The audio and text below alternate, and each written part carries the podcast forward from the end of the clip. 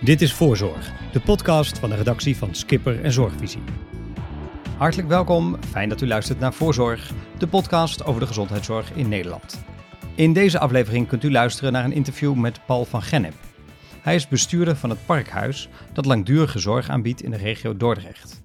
Het Parkhuis werd ernstig getroffen door de uitbraak van het coronavirus.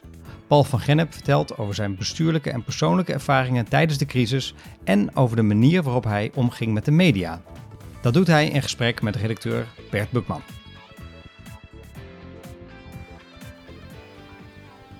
Paul, wat herinner jij je van de dag dat het allemaal begon? Het was 30 april en ik kreeg een berichtje van een van onze medewerkers dat wij een eerste besmetting in huis hadden.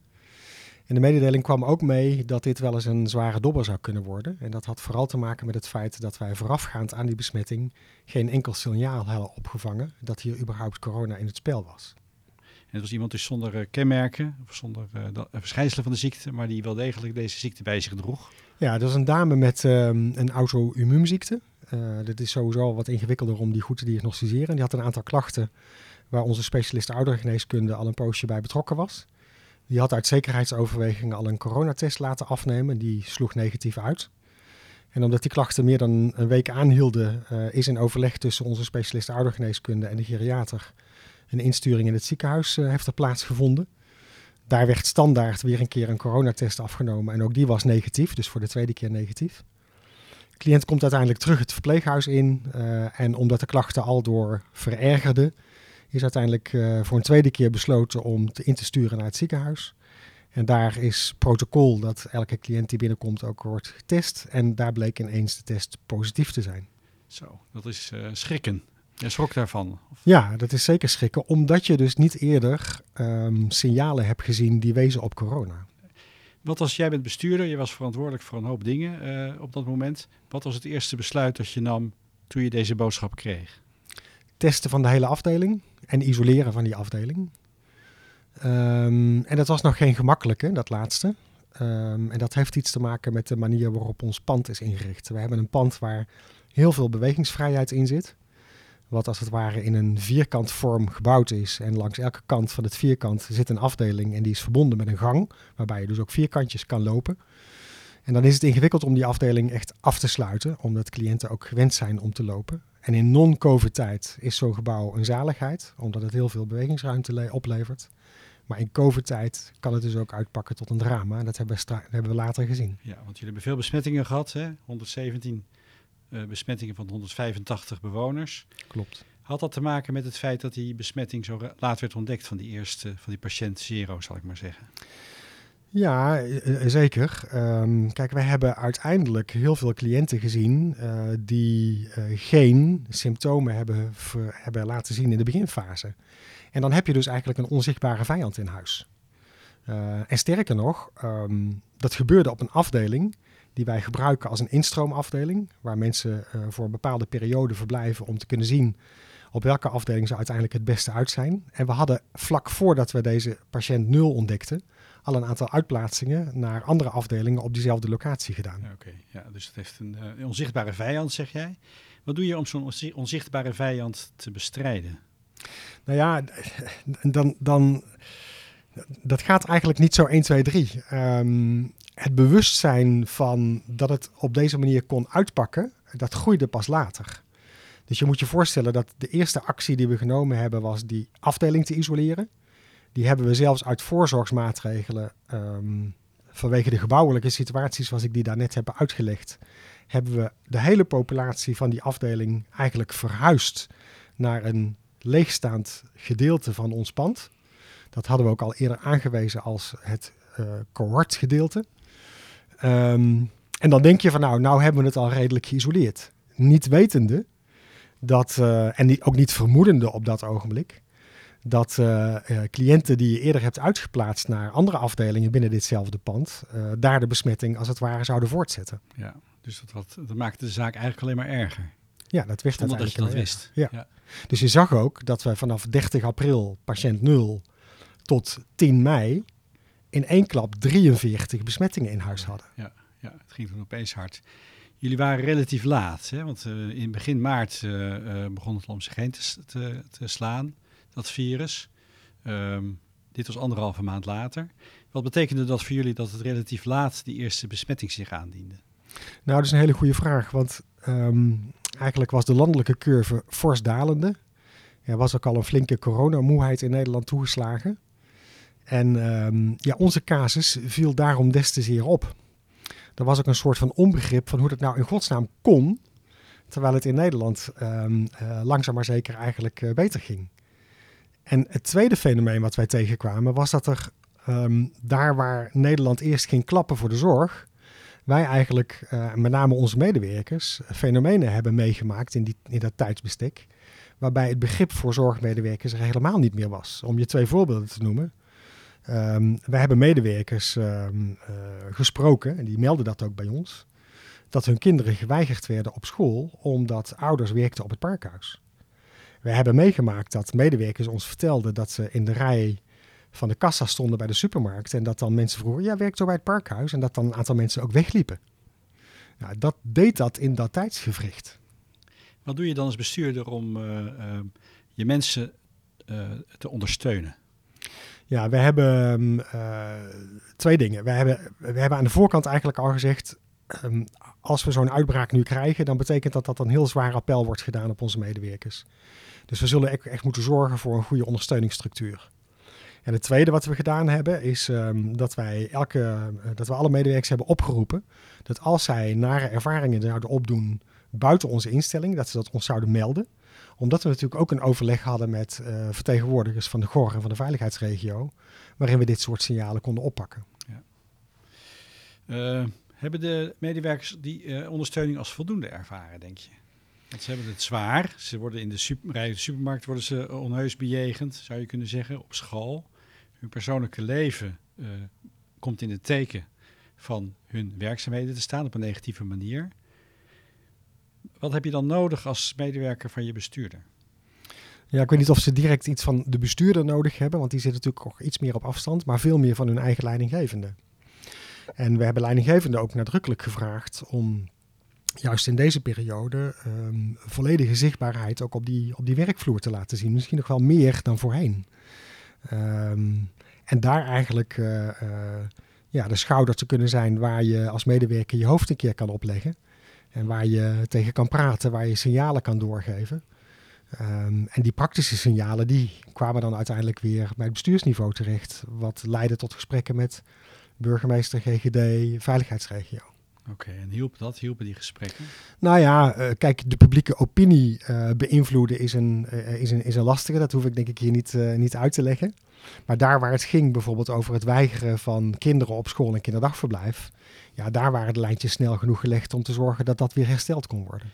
En waren die scholen en die kinderdagverblijven nog wel bereid om dat te doen? Want dat is ook nog maar de vraag natuurlijk, als ze zeggen we doen het niet. Ja, uiteindelijk wel. Wat je, daar, wat je daar ook ziet, is dat er ook heel veel onbegrip was. Um, laat ik nog een ander voorbeeld noemen in dit verband. Um, wij hebben uh, op een aantal afdelingen um, gymnasten die in hun laatste jaar zitten met hele kleine contractjes in dienst. Contractjes die eigenlijk zorgen voor ondersteuning bij activiteiten, bij maaltijden, wat iets meer zijn.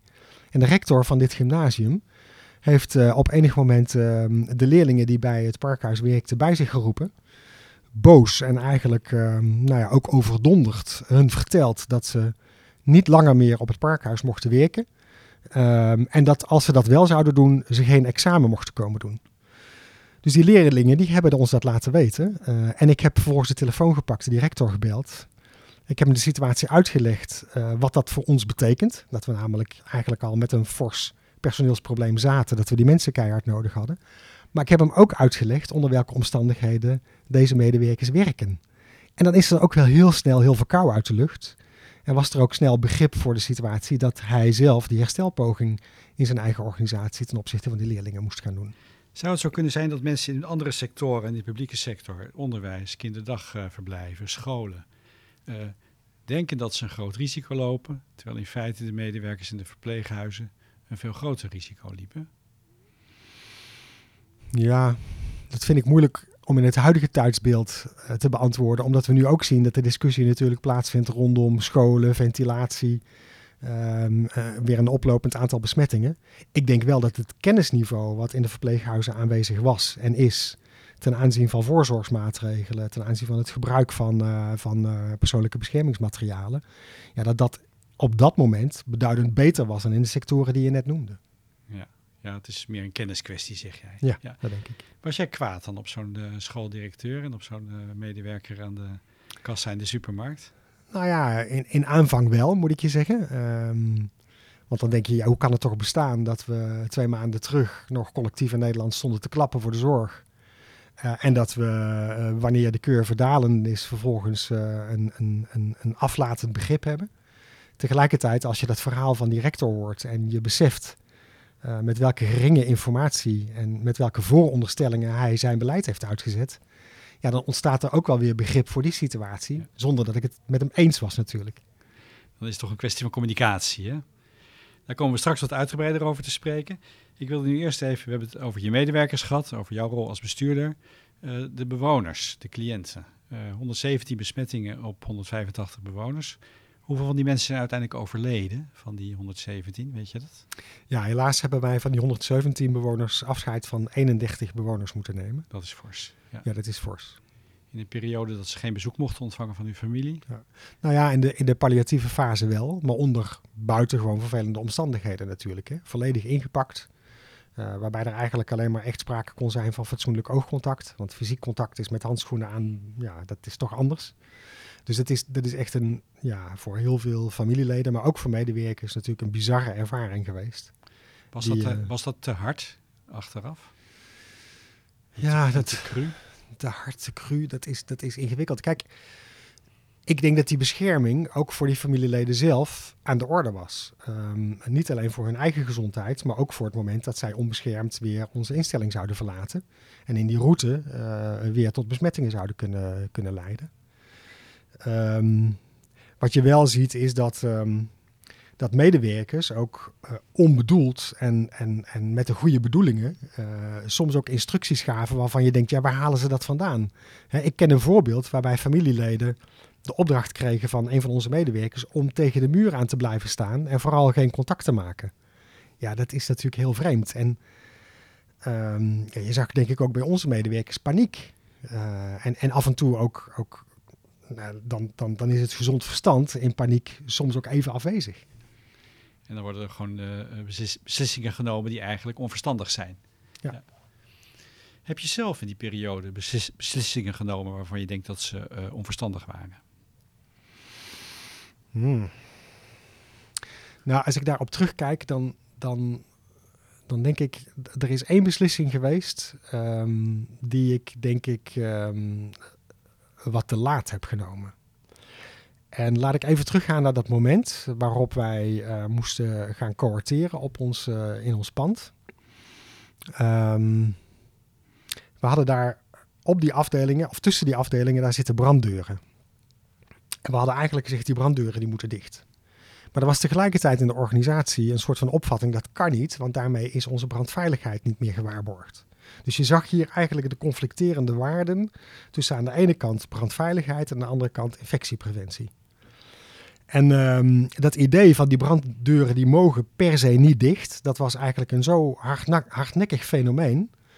Um, dat ik op enig moment heb gezegd, en nu moeten we daar een knoop over doorhakken. Dus ik heb een overleg georganiseerd, echt stand P, met, uh, met brandweer, GGD eh, en de veiligheidsregio. En dat leidde uiteindelijk tot een hele goede afspraak op welke manier we die branddeuren toch veilig konden afsluiten. Nou, als je het nou hebt over een verkeerd besluit, dan is dat denk ik niet een verkeerd besluit geweest. Maar als ik erop terugkijk, wel een paar dagen te laat. Ja. En wat had je achteraf terugkijkend kunnen doen om toch eerder... Wat, is dat een kwestie van je hebt te veel aan je hoofd en je komt hier niet aan toe? Of je, bent, je luistert te veel naar uh, mensen die bang zijn voor brandgevaar? Wat, wat is de reden dat je daar eigenlijk een paar dagen te lang mee wacht? Nou ja, vooral, vooral dat er medewerkers in je organisatie rondlopen die eigenlijk altijd bezig zijn geweest met um, brandveiligheid, met, met um, uh, bedrijfshulpverlening, met, met die plannen die nou heel stringent zeggen, ja maar dit kan niet. Wij sluiten mensen op en dat wordt een val op het moment dat er een brand is.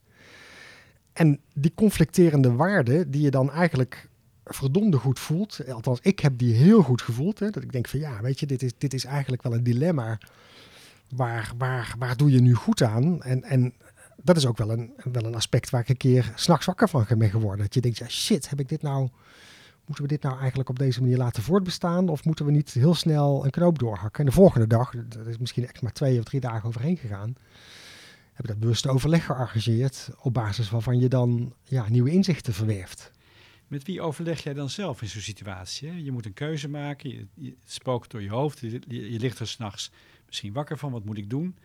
Uh, tot wie wend jij je dan als je uh, uh, wilt overleggen, wilt sparren? Nou ja, we hebben deze discussie behoorlijk wat keer in het crisisteam gehad. dus daar, is, um, daar vindt dat dan plaats. Um, ik heb er een keer over gesproken met onze contactfunctionaris vanuit GOR. Um, maar de eerlijkheidsgebied te zeggen dat je als bestuurder daar ook wel eenzaam in bent. Want ja, je bent we hebben een situatie waarin er sprake is van eenhoofdig bestuur. Ja, en iedereen kijkt naar jou en jij bent degene die de beslissing moet nemen. Dus het is soms ook verdomd alleen. Ja, dat kan me voorstellen. Ja. Zijn er uh, reacties geweest op jouw optreden waarvan je denkt, uh, die waren niet zo aangenaam? Of was er vooral toch begrip voor de moeilijke situatie waar je in verkeert? Ja, vooral dat laatste. Want um, wij hebben ervoor gekozen om zowel intern als extern maximale openheid te geven. Um, dat hebben we bij ja, andere voorvallen in andere verpleeghuizen in de landen soms wel anders gezien. Um, maar wij meenden uh, dat het goed is om ja, die openheid te bieden, te vertellen wat je doet en waarom je dat doet. En ook te vertellen wat de dilemma's zijn die we zijn tegengekomen. En ik moet eerlijkheidshalve zeggen, als je dat in je organisatie doet, uh, ook ten overstaan van je medewerkers, en als je dat ook extern doet, um, dan leidt dat eigenlijk tot meer begrip dan dat je kritiek krijgt. Ja, je stelt je kwetsbaar op voor je gevoel en eigenlijk kom je er sterker uit. Kun je dat zo zeggen? Ja, maar je geeft daarmee denk ik ook een, een, een, een inkijk in wat de thematiek is die zich, die zich plaatsvindt. Hè? Ik, heb een, ik kan me nog heel goed herinneren, het was het tweede interview met, uh, met het AD. En waarin de interviewer um, een aantal, nou laat maar zeggen, best scherpe vragen stelde. En ik op enig moment um, haar een dilemma heb voorgelegd. En heb tegen haar gezegd van nou, stel nou voor, jij staat in mijn schoenen. Wat zou je dan nu doen? Nou, dat probeerde ze aan allerlei kanten te ontwijken. Uh, maar tot drie keer toe heb ik haar diezelfde vraag gesteld. En toen kwam die echt goed binnen. En dan zie je dus ook dat er een ander soort gesprek gaat ontstaan. Welk dilemma was dat dat je haar voorlegde? Dat was het dilemma nog? wat ging over um, het individuele belang versus het collectieve belang. Um, heel concreet, um, toen wij die 43 uh, besmettingen hadden, um, hebben wij met een extern expertteam wat we hebben geconsulteerd een aanpak uitgedacht. En die aanpak die hield in dat wij om de zeven dagen alle cliënten die tot dan toe nog steeds negatief waren, om die te testen. En toen we dat voor de eerste dag deden, kwam aan het einde van die testronde een medewerker naar me toe en die zei: Ja, we hebben twee cliënten die op de afdeling gerontopsychiatrie, dat zijn ook echt nog wel mensen die wilsbekwaam zijn, die weten waar het over gaat, die niet getest willen worden. Wat gaan we nu doen? Nou, en dat is dan ook zo'n moment dat je denkt, ja, weet je, hier hebben we niet even de tijd voor om morgen een soort van moreel beraad met allerlei mensen in onze organisatie te houden. Uh, hier hebben we ook niet de tijd voor om met familieleden nog maar eens een keer uitvoerig te gaan praten. Er moet nu een besluit vallen. Je moet handelen. Ja, je moet iets doen. En dan flitst ook meteen door je hoofd van ja, dit is een individueel belang. Uh, wat we eigenlijk graag stand willen doen. Maar dat conflicteert zo nadrukkelijk met het collectieve belang. Dat we namelijk die infectie willen uitdoven in, dat, uh, in die instelling. Dat je bij jezelf denkt, ja, waar, wat, wat, is nou, wat is nou een, een, een wijs besluit? Um, nou, na ampel overwegen heb ik gezegd, ja, dat kan niet. We moeten echt in dit geval gaan voor het collectief. Um, dus ik denk dat je deze twee mensen drie keuzes moet voorleggen. De eerste is, ja, je laat je toch testen. De tweede is, als je dat niet wil, dan gaan we er nu afspreken dat je 14 dagen op je uh, eigen kamer moet blijven en er niet meer afkomen. Um, en de derde keuze is, ja, als je daar ook niet mee kunt vereenzelvigen, um, dan zul je er vandaag nog uit moeten en moeten we een andere plek voor je gaan zoeken. Nou, uiteindelijk leidt dat dan wel tot een goed gesprek tussen zorgverlener en de cliënt. En dat heeft er uiteindelijk ook toe geleid dat die twee cliënten zich hebben laten testen en ook in alle volgende rondes. Maar dit zijn wel de spannende, de hele spannende momenten. Maar het interessante is, hè, je, intern heb je die discussie, maar je, voert, je legt dat dilemma ook voor aan zijn journalist. Die wil daar dus niet meteen aan. Uh, uh, wat, wat, wat maakt dan dat een journalist op een gegeven moment toch zegt: Ja, ik snap dat je voor een dilemma staat en ik snap dat er geen eenduidige oplossing is? Nou ja, ik denk, maar dat is, dat is mijn veronderstelling. Ik heb, ik heb het er zo met die journalist natuurlijk niet over gehad. Maar ik denk dat die journalist heel erg in zijn eigen rol zou willen blijven zitten. Door, door maar vragen te stellen en daar, en daar maar vraag op te blijven, te blijven stellen. Maar wat ik eigenlijk wilde doen was nou, die journalist bij wijze van spreken ook echt laten voelen. Wat nou het dilemma is waar je dan voor staat. En dat is uiteindelijk wel gelukt. Uh, en dat heeft dus ook in dat gesprek wel geleid tot een, tot een hele fraaie dialoog. Um, zij was ook een beetje om op dat moment, moet ik je zeggen. Dus, dus zij heeft vaker uh, artikelen over het parkhuis geschreven. Um, en dat waren allemaal artikelen die echt heel indringend uh, de, de, de materie raakten. Maar nimmer met een, met een negatieve ondertoon. Dus openheid is uh, heel belangrijk in een crisissituatie, zeg je.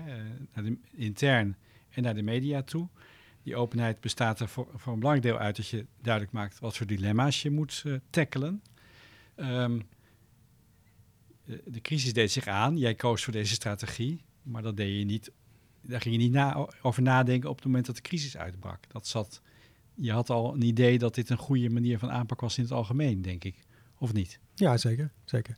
Kijk, um, ik heb wel eens gezegd, zo'n coronabesmetting, die overkomt je. Um, en daarmee is het eigenlijk niet iets wat je verkeerd doet.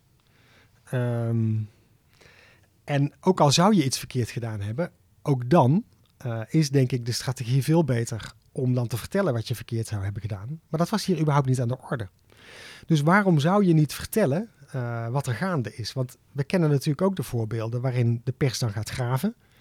Um, waarin ze gaan graven bij medewerkers door om de hoek te gaan staan en te vragen van joh, wat is er eigenlijk aan de hand in die tent van je?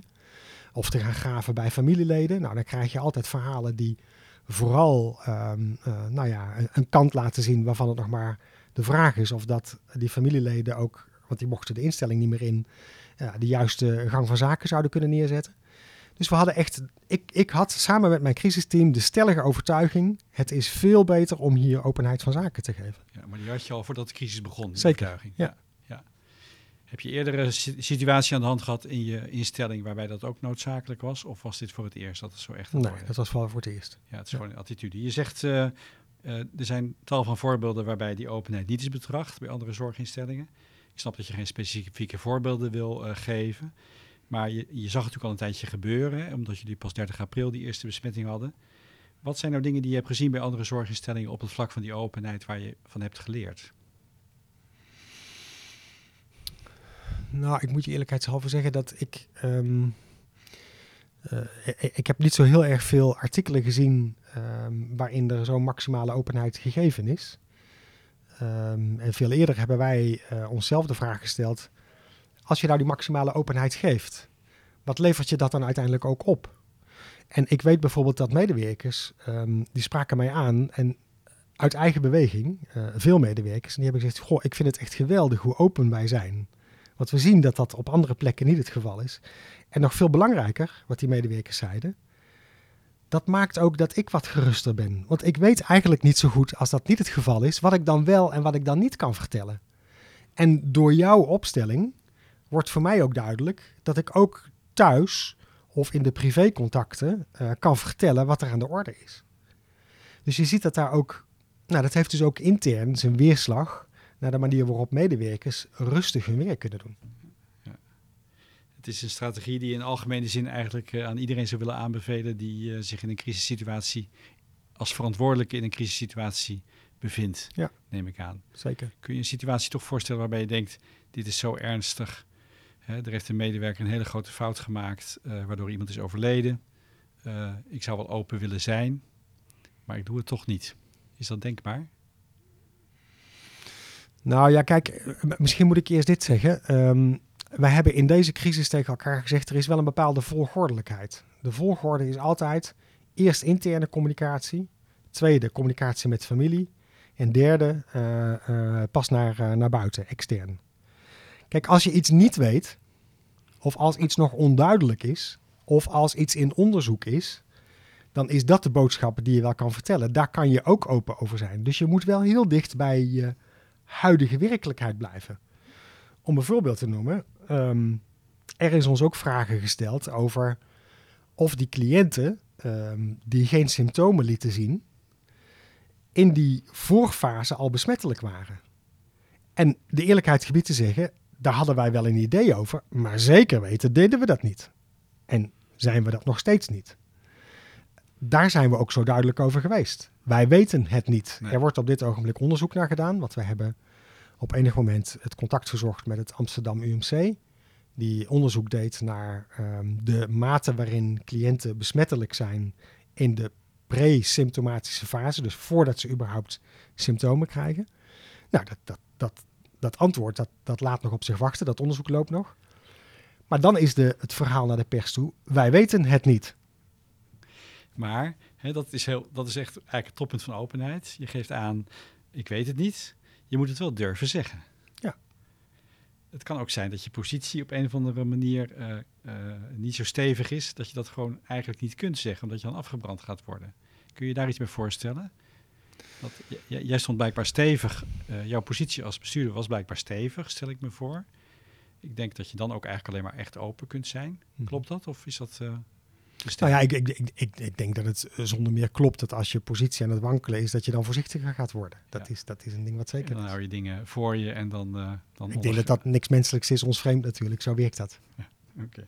Maar goed, het is een bijzondere strategie. Het is leuk om daarover te spreken. Ehm, er zijn nog andere dingen. In die VVT-sector speelde heel erg in die eerste maanden dat het eh,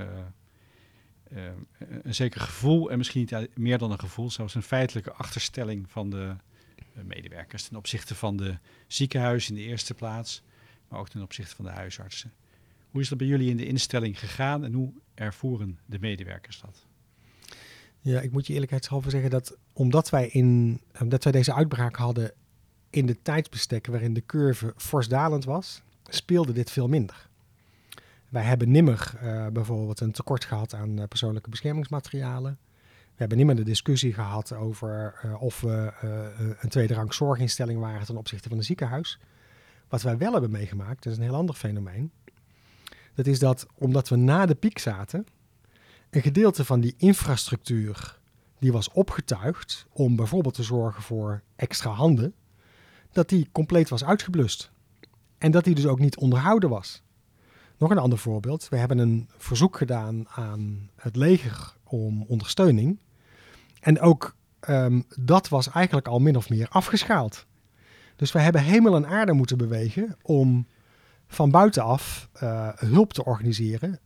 Als je weet dat wij ruim 70 medewerkers ook besmet thuis hadden zitten. Ja, onvoorstelbaar hè? Ja. Dat lukte dus maar zeer ten dele. Hè? Er inderdaad, bij andere instellingen werd het leger ingezet. Dat waren blijkbaar instellingen die er eerder bij waren.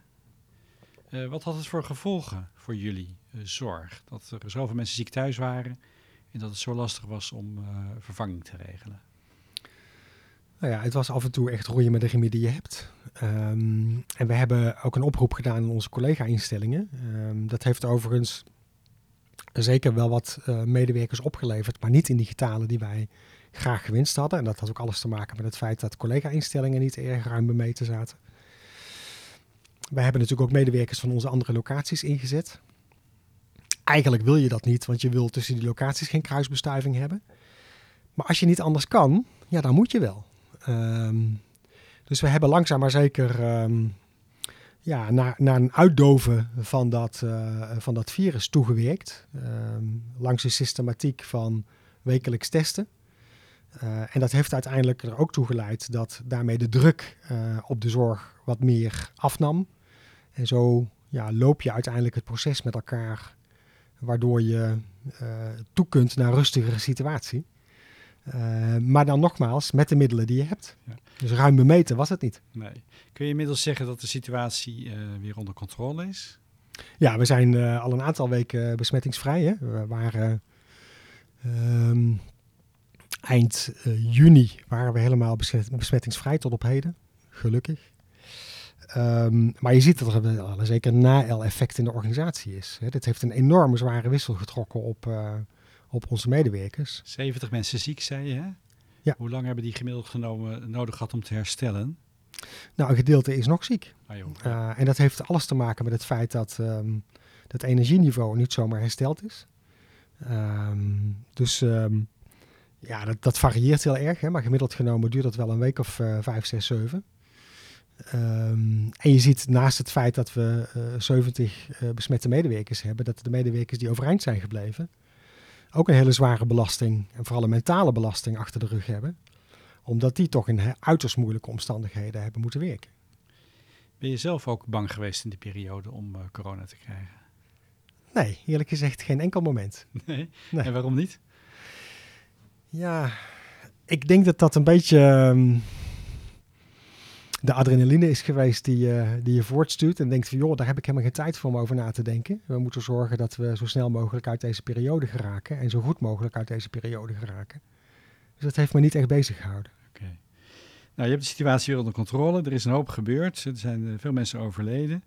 Uh, je kijkt terug over, op die crisis. En wat denk je? Hè? Je, hebt, je hebt veel dingen goed gedaan. Die openheid was uh, bijzonder. Um, wat is toch de les die je hebt geleerd voor een volgende keer uit deze periode? Wat had je achter, met de kennis van nu achteraf beter kunnen doen? Nou ja, we hebben net al even gehad over de, de, de, de, contradictie tussen brandveiligheid en infectiepreventie. Dat zou ik echt een volgende keer anders gedaan hebben. Daar hebben we nu ook structurele andere oplossingen voor bedacht. Uh, dus we hebben een aantal aanpassingen aan die branddeuren gedaan, zodat die en gesloten kunnen worden en open kunnen staan en dat die op de brandveiligheidsinstallatie zijn aangesloten.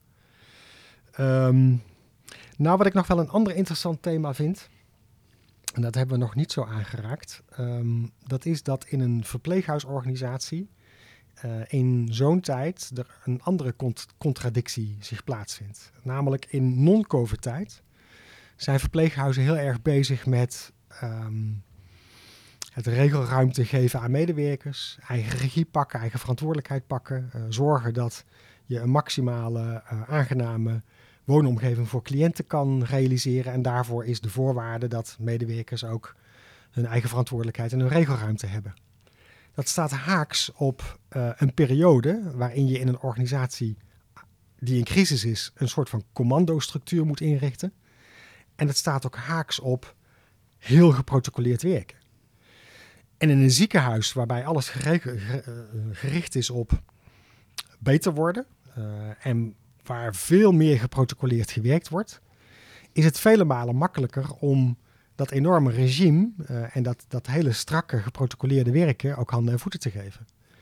En ik heb wel gezien dat, en ik heb ook collega's gesproken die dat wel beamen, dat het best een ingewikkelde kluif is om um, van die ene periode waarbij het gaat over um, uh, maximale regelruimte naar de andere periode, namelijk COVID-tijd, te zeggen. En nu zitten we met z'n allen in een harnas en je hebt je daarnaar te gedragen. Uh, om die beweging ook te maken. En de les die wij wel geleerd hebben is dat we misschien wel nog meer de volgende keer uh, op de instructie zullen gaan zitten. Die gaat over um, hoe je je persoonlijke beschermingsmaterialen aan en uittrekt. We hebben ook gezien dat wij soms onderschatten hoe minutieus je dat moet uitleggen, wil dat ook echt gecontroleerd goed gaan. Ja, ja. ja dat kan ik me voorstellen. En dat is inderdaad een, uh, iets wat je van tevoren totaal niet bedenkt. Je moet toch, je noemde, we noemden net het leger. Het doet een beetje militair aan wat je opeens, ja. uh, uh, hoe, je, hoe je het moet gaan aanpakken. Ja. En je moet nou ook weer terug, neem ik aan. Ja. Je moet terug van die commandostructuur naar weer die Precies. eigen regie. Ja. Gaat dat dan goed?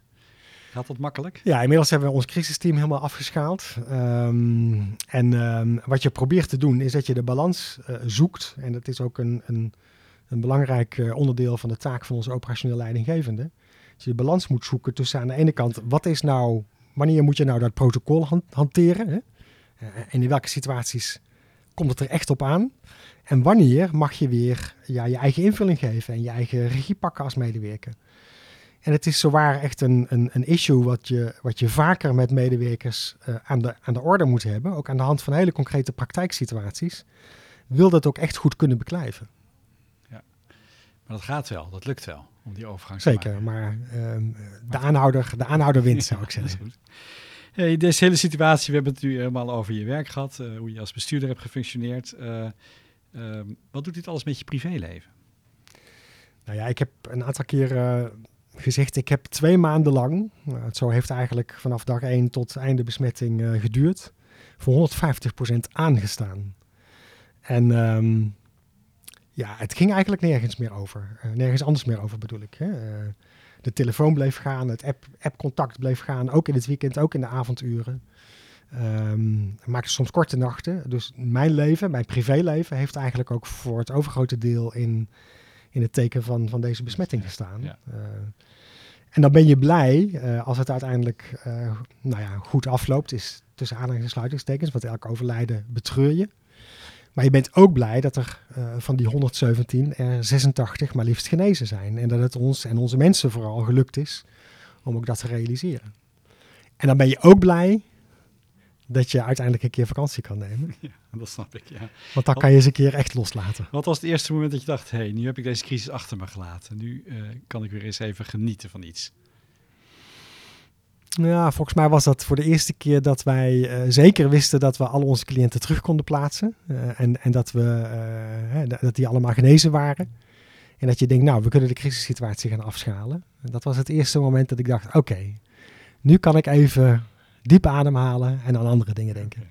En dat is op je werkplek, maar thuis of, eh, of, of in je privéleven. Was er een moment dat je dacht, ik kan nu weer, naar de film of op het terras zitten? Of eh, was er iets, een, een moment dat je dacht, hé, hey, eh, ik kom weer een beetje tot leven? Ik ehm, moet je eerlijkheidshalve zeggen dat ehm, eh, we eens een keer flink in de tuin hebben gegeten en hebben gedronken. En dat ik iets dieper in het glaasje heb gekeken dan ik normaal gesproken gedaan heb. Oké, nou goed. Hey, de situatie is onder controle, zeg je. Eh, het, het, het gaat natuurlijk allemaal de goede kant op. Eh, er zijn een paar zorgen in die VVT-sector. Eh, dat heeft onder meer de betrekking op die ventilatie. Hoe is dat bij jullie eh, geregeld? Maak je je daar zorgen over? Wordt er onderzoek naar gedaan? Nou ja, als je zo'n zo'n casuïstiek achter de rug hebt, zoals we daar net besproken hebben, dan, ehm, dan ben je op alles gespitst. Dus wij hadden al vrij snel in de gaten dat ventilatie toch echt wel een, een issue zou worden. Eh, dus we hebben een tweetal medewerkers gevraagd om zich daar wat meer op te oriënteren. En alles wat er op dat ogenblik beschikbaar was aan materiaal eh, om, dat, eh, om dat te checken. Ehm, dus we hebben onze ventilatiesystemen op al onze locaties laten checken op, op basis van de als dan bekende gegevens. En daaruit leiden wij nu af dat we in ieder geval geen risico lopen. Omdat we allemaal ventilatie hebben wat lucht van buiten naar binnen pompt en van binnen naar buiten pompt. Oké, dat is in ieder geval afgedekt. Eh, het aantal besmettingen neemt weer toe. Het aantal ziekenhuisopnames nog niet. Eh, niet, niet zoveel althans. Ben jij bang voor de tweede golf? Zeker. En- En ik denk dat die angst eh, ook is ingegeven door het feit dat je weet hoe groot ze het kan uitpakken. Overigens, met de kennis van nu, ehm, en er zou weer een besmetting in huis zijn, zal die niet meer zo groot worden. Ehm, maar als je dat een keer hebt meegemaakt, dan weet je wel hoe fors dat, dat zijn impact kan hebben in je organisatie. Ja, en dat is, eh, maar je bent, je bent nu beter voorbereid. Eh, ik stel me voor dat je toch weer overvallen zal worden als er weer een. eh, of, of, of heb je dat gevoel zelf niet? Nee, ik denk niet meer dat we zo snel overvallen worden. Ehm, we hebben ook echt per afdeling de juiste plannen en draaiboeken klaar liggen. Er is nu toch ook een zekere mate van ervaring in de organisatie. Maar waar je vooral bang voor bent, is dat je het klein kan houden en dat het niet meer zo groot wordt. En de vraagstukken, dat, er komen ook nieuwe vraagstukken op ons af. Hè? Het vraagstuk wat we vanochtend bijvoorbeeld nog aan de orde hadden, was wat gaan we nou doen in het geval van een besmetting met bezoek? Gaan we bezoek wel of niet toestaan en onder welke voorwaarden? Nou, dat zijn ook nog wel de goede gesprekken die we op dit ogenblik in de organisatie daarover voeren. Ja. En die genuanceerder zullen zijn dan we tot op heden gehad hebben. ja, dus wat dat betreft is het een eh, in ieder geval leerzame periode geweest. Zeker. Oké. Ik wilde je zeer bedanken voor dit gesprek. Graag gedaan. Tot zover deze aflevering van Voorzorg. Als u zich abonneert, dan krijgt u vanzelf een seintje als er een nieuwe aflevering uit is. Schroom ook niet om deze podcast te delen met andere luisteraars die mogelijk geïnteresseerd zijn. Op skipper.nl leest u elke dag het laatste nieuws over de zorg. Op zorgvisie.nl vindt u interviews, achtergronden en analyses. Voor nu, heel hartelijk dank voor het luisteren en graag tot de volgende voorzorg.